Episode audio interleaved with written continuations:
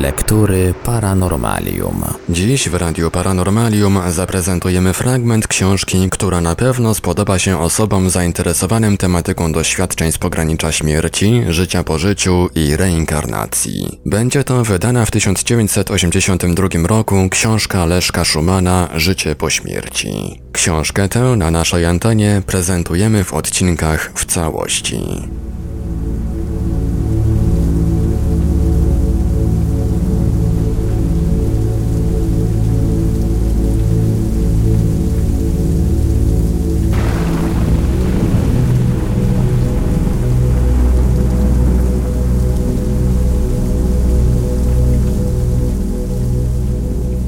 Rozdział drugi. Życie po śmierci. Mity i rzeczywistość. Tybetańska Księga Zmarłych. Nielicznym z czytelników wiadomo, że religia starożytnego Egiptu obejmowała także wiarę w Ka, co oznaczało mniej więcej to samo, co tak zwane dziś ciało astralne lub eteryczne człowieka. Należy zaznaczyć, że Ka nie było ani ludzką duszą, ani duchem, lecz czymś w rodzaju naczynia, w którym mieści się dusza. Owe Ka można by porównać z ciałem widmowym polinezyjskich kahunów, o czym pisze Long w pracy Wiedza tajemna za cudami. K nieraz odwiedzało swą mumię, o czym mówią liczne rzeźby starożytnego Egiptu.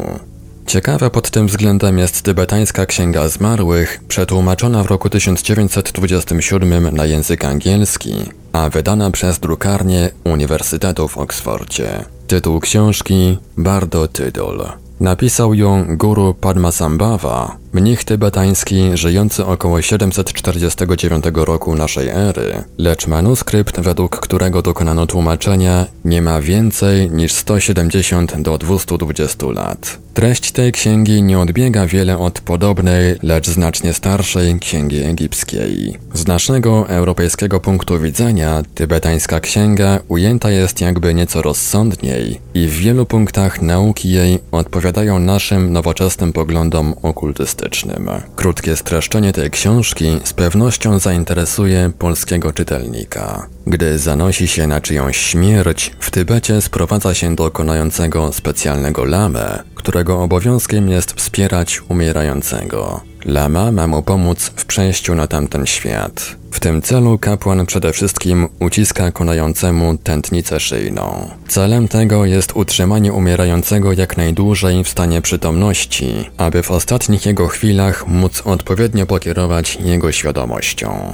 Albowiem stan świadomości w chwili zgonu decyduje o późniejszym stanie kompleksu duchowego. Życie bowiem polega na kolejnych przemianach i przejściach z jednego stanu świadomości w inny. Naciskanie tętnic reguluje drogę, którą siła duchowa uchodzi z ciała. Właściwa droga bowiem prowadzi przez otwór Monroe, foramen interventriculare. Łączy ze sobą drugą komorę mózgową z komorą boczną.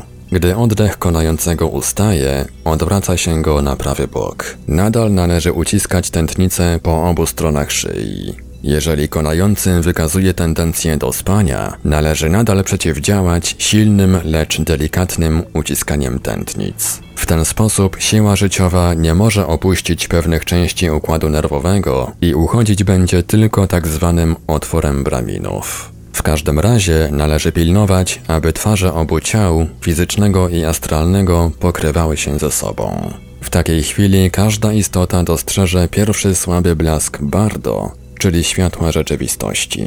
Przez cały okres konania lama upomina umierającego, aby zachował równowagę ducha, aby mógł jasno widzieć światło rzeczywistości, a nie dał się zwieść złudzeniom zmysłów, halucynacjom i różnym kształtom myślowym, nie mającym realnego istnienia. Lama czuwa przekonującym cały czas, od początku oddzielenia się ciała astralnego od ciała fizycznego aż do zgonu. To trwa zazwyczaj od 3,5 do 4 dni, jeżeli nie ma przy tym lamy zwanego FOO, czyli wyzwalającego świadomość. I choć takiemu kapłanowi uda się we właściwy sposób przeprowadzić prawidłowe oddzielenie się ciała astralnego od ciała fizycznego, mija zazwyczaj kilka dni, zanim zmarły zorientuje się i zrozumie, że już nie żyje na świecie fizycznym.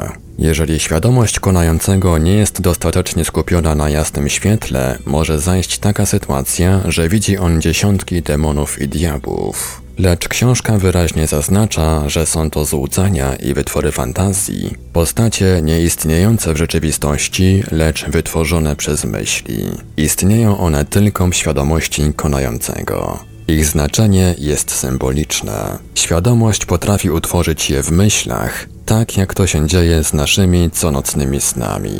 Umierający musi przejść, przedrzeć się przez te postacie stojące na drodze ku jasnemu światłu przestrzeni. Im wcześniej tego dokona, tym prędzej urzeczywistni się jego wyzwolenie. Nauki o ciele w tybetańskiej księdze zmarłych są jasne i krótkie. Gdy się zbudzisz z okresu nieświadomości spowodowanej śmiercią, wówczas twe prawdziwe ja musi się tobie pokazać w swej pierwotnej postaci, a ciało promieniste, podobne do dawnego ciała fizycznego, musi być widoczne. Zwiemy je ciałem pragnień. O ciele Bardo powiedziano, że przenosi ono wszystkie wrażenia zmysłów. Możność swobodnego poruszania się wskazuje na to, że obecne ciało, które jest tylko ciałem pragnień, nie może być materialne. W rzeczywistości masz możliwość cudownego przenoszenia się z miejsca na miejsce. Będziesz wędrował z miejsca na miejsce bez ustanku i mimo Twej woli. Wszystkim, którzy po Tobie płaczą, musisz mówić: Tu jestem. Nie płaczcie. Lecz gdy oni ciebie nie posłyszą, pomyślisz sobie, a więc jestem martwy, i wówczas znów poczujesz się nędznie. Lecz trzymaj się. Będzie cię otaczała szarawa poświata za dnia, w nocy i w ogóle po wsze czasy. I chociaż będziesz szukał jakiegoś ciała, twoją nagrodą będzie tylko daremny trud. Staraj się stłumić w sobie pragnienie posiadania znów ciała i niechaj twój duch pozostanie w stanie wyrzeczenia się. Tak postępuj. To są wskazówki, jak należy odbywać wędrówki w ciele astralnym Sidba Bardo. W Bardo Toudul znajdujemy również informacje o sądzie, jaki czeka każdego zmarłego. Zmarłeś i stoisz teraz przed obliczem Boga śmierci. Na próżno starasz się zaprzeczyć Twoim złym uczynkom. W lustrze najwyższego sędziego przewijają się odbicia wszystkich Twoich czynów. Wiedz, że wszystkie postacie, które widzisz w Twoim stanie pośmiertnym, zwanym w języku tybetańskim bardo, w rzeczywistości nie istnieją. Są to tylko twory Twojej wyobraźni. Promieniują z Ciebie. Wysyłasz je bezwiednie, przerażają Ciebie, a Ty nie rozpoznajesz swoich własnych uczynków. Lustro, w którym sędzia zmarłych zdaje się oglądać Twoje uczynki, to tylko Twoja własna pamięć, która przypomina Ci Twoje własne uczynki, które oceniasz według własnych kryteriów, według własnych poglądów na dobro i zło. To Ty sam wydajesz na siebie wyrok. Nie istnieje żaden straszliwy Bóg, który wydaje na Ciebie wyroki. Wiedz bowiem, że poza Twoimi własnymi metafizycznymi projekcjami nie istnieją ani bogowie, ani demony. Nie ma żadnych sędziów sądzących zmarłych. Nie istnieje nawet owe bardo, o którym mówi nasza religia. Zrozum to wreszcie i stań się istotą wolną. Doniesienia z tamtego świata. Na sympozjum psychologów w Zurychu w dniu 31 marca 1966 roku wygłoszono szereg ciekawych referatów naukowych na temat życia po śmierci.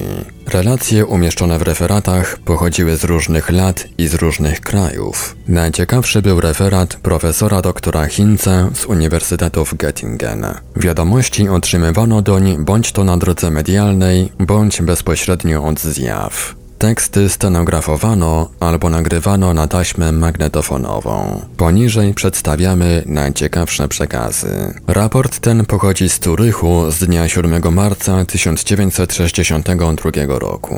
Nie stanowi on nic nowego. Podobny przebieg konania obserwowali często jasnowice. Od jakiegoś czasu byłem poważnie chory. Kiedy zbliżał się mój koniec, byłem bardzo osłabiony i nie miałem siły mówić, chociaż słyszałem, jak rozmawiano dookoła mnie. Jeść także już nie mogłem. Nie miałem nawet siły, aby zwracać uwagę na to, co się dzieje wokół. Widziałem natomiast rzeczy inne, choć nie wszystko z tego mogłem zrozumieć. Nie wiedziałem, czy śnię, czy widzę coś na jawie. W oddali stali moi zmarli rodzice, a obok nich inni moi krewni, których już nie było na fizycznym świecie. Wszyscy oni z daleka kiwali rękami. Widziałem ich wszystkich wyraźnie, lecz nie miałem sił, aby im dać znać lub się do nich odezwać. Tak więc nie mogłem należycie skupić uwagi ani na tym, ani na tamtym świecie. Po chwili ukazała się nad moim łóżkiem jakaś zwiewna istota,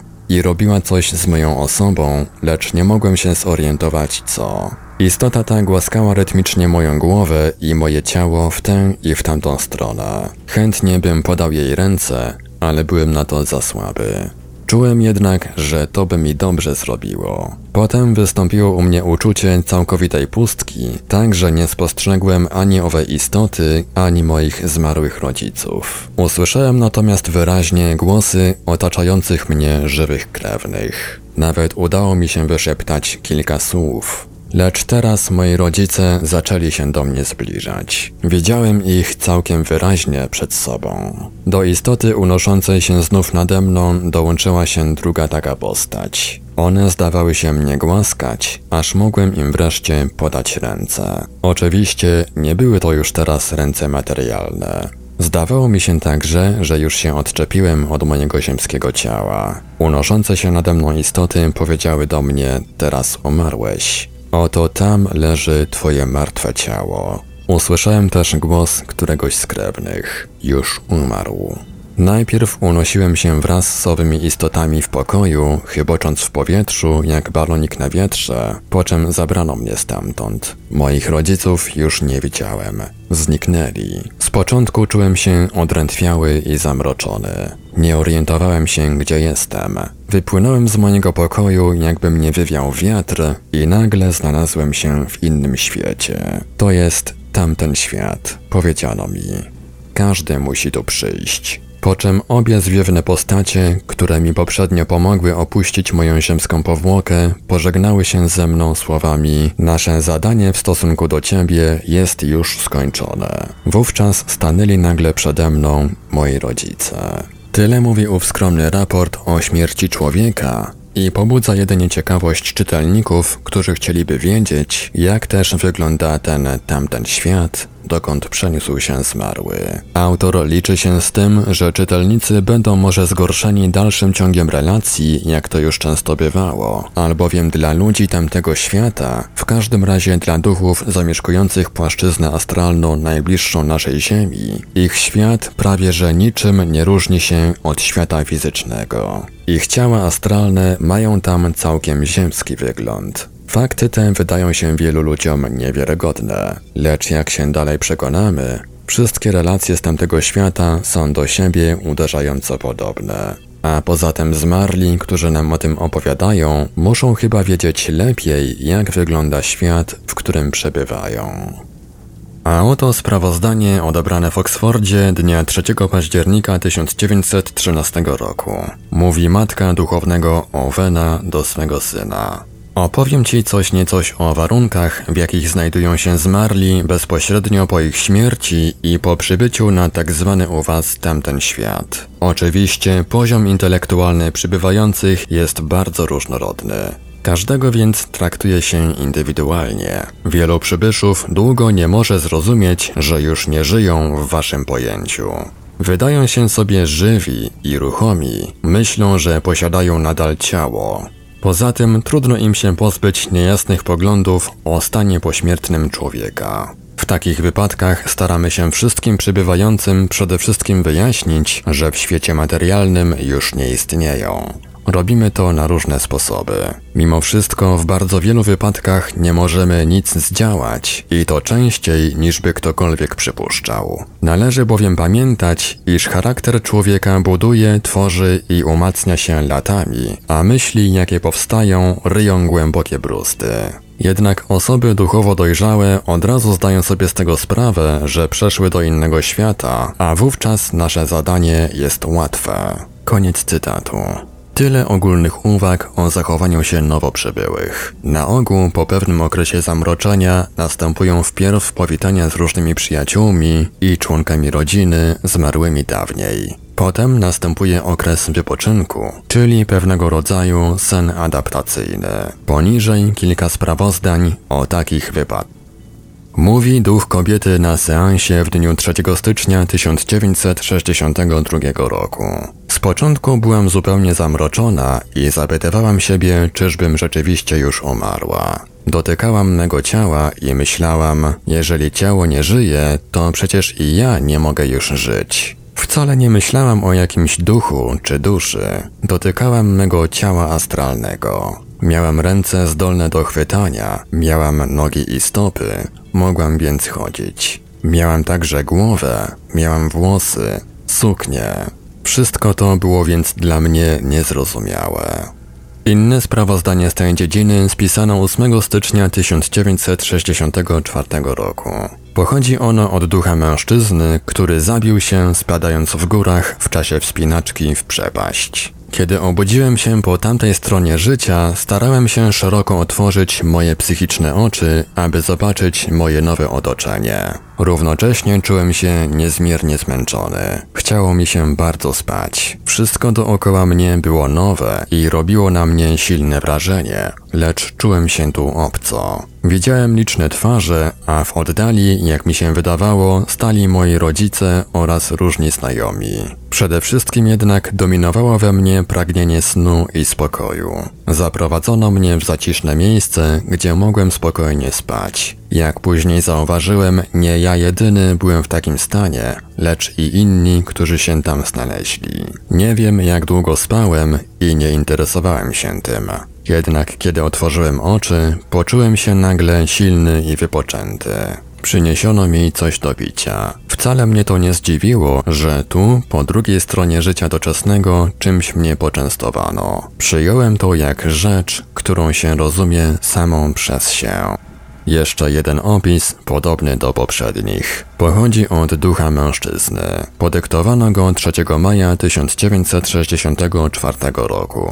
Kiedy przybyłem do świata duchów, powitali mnie rodzice. Lecz było tam także wiele innych istot. Niektóre były mi nawet znane. Wzięto mnie pod ramiona, choć czułem się całkiem dobrze. Poprzednio chorowałem i nim zmarłem, cierpiałem bardzo. Obecnie, kiedy już pozbyłem się ciała fizycznego, czułem się całkiem dobrze. Dwaj astralni przyjaciele, którzy mi towarzyszyli, wprowadzili mnie do jakiejś sali pośród pięknego ogrodu. Tam położono mnie na tapczan, abym przede wszystkim wypoczął. Słyszałem, co się dzieje dookoła mnie, lecz czułem się już dość zmęczony. Zasnąłem, lecz nie wiem na jak długo. O takim śnie adaptacyjnym wypowiedziała się jakaś wyższa istota na seansie w Monachium w roku 1895 w sposób następujący. Stan duszy po śmierci fizycznej jest zawsze uzależniony od poziomu jej rozwoju. Im wyższy jest poziom rozwoju duchowego, tym krócej trwa jej sen pośmiertny, względnie okres wypoczynku.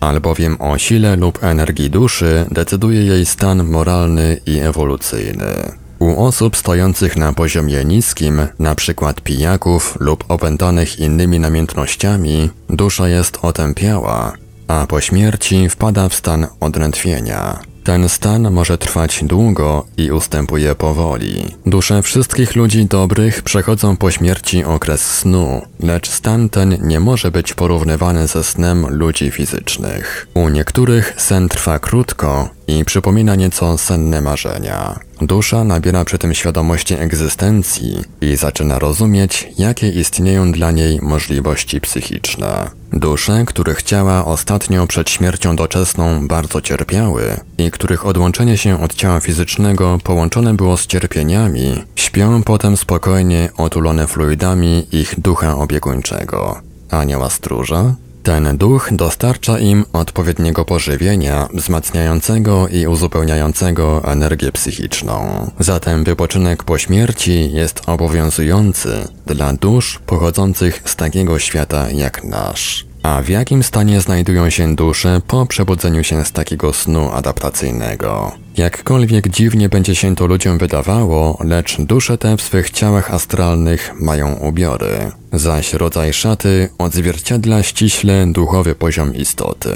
W sferach średnich tamtego świata, czyli przyziemnych, wybór ubioru jest pozostawiony samej istocie, bywa zatem podobny do ziemskich ubrań.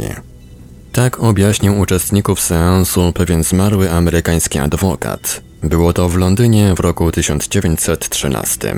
Będzie się wam wydawało to wręcz absurdalne, lecz nosimy tam takie same ubiory jak wy. Tu jednak nie potrzeba na ubrania tylu szaf. Nie widuje się ich wcale. Co prawda, przebywam w tym nowym świecie dopiero od niedawna. Dusza pewnego kowala powiedziała na seansie w dniu 3 lipca 1963 roku, co następuje. Było dla mnie całkiem jasne, że moje ciało fizyczne opuściłem i że żyję nadal w moim ciele astralnym. Oczywiście miałem na sobie ubiór, jednak on mi się nie podobał. Taki był jakiś dziwny.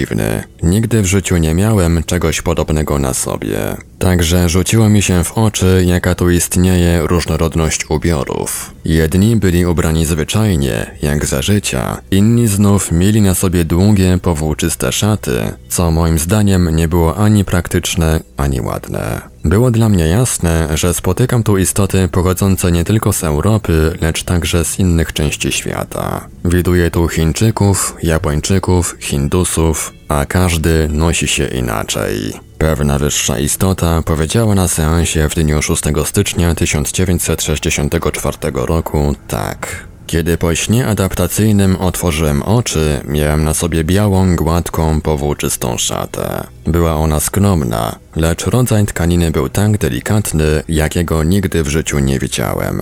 Istoty z zaświatów na poziomie wyższym poznaje się po jakości i rodzaju wspaniałych tkanin, z których mają zrobione ubiory.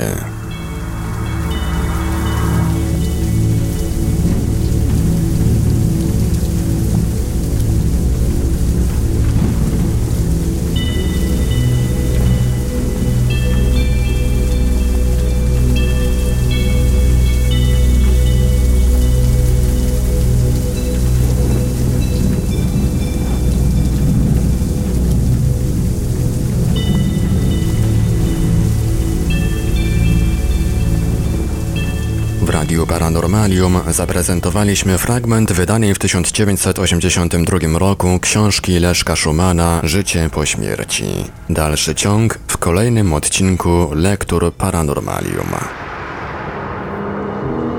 Archiwalne odcinki Lektur Paranormalium znajdziesz do pobrania w archiwum naszego radia na stronie www.paranormalium.pl.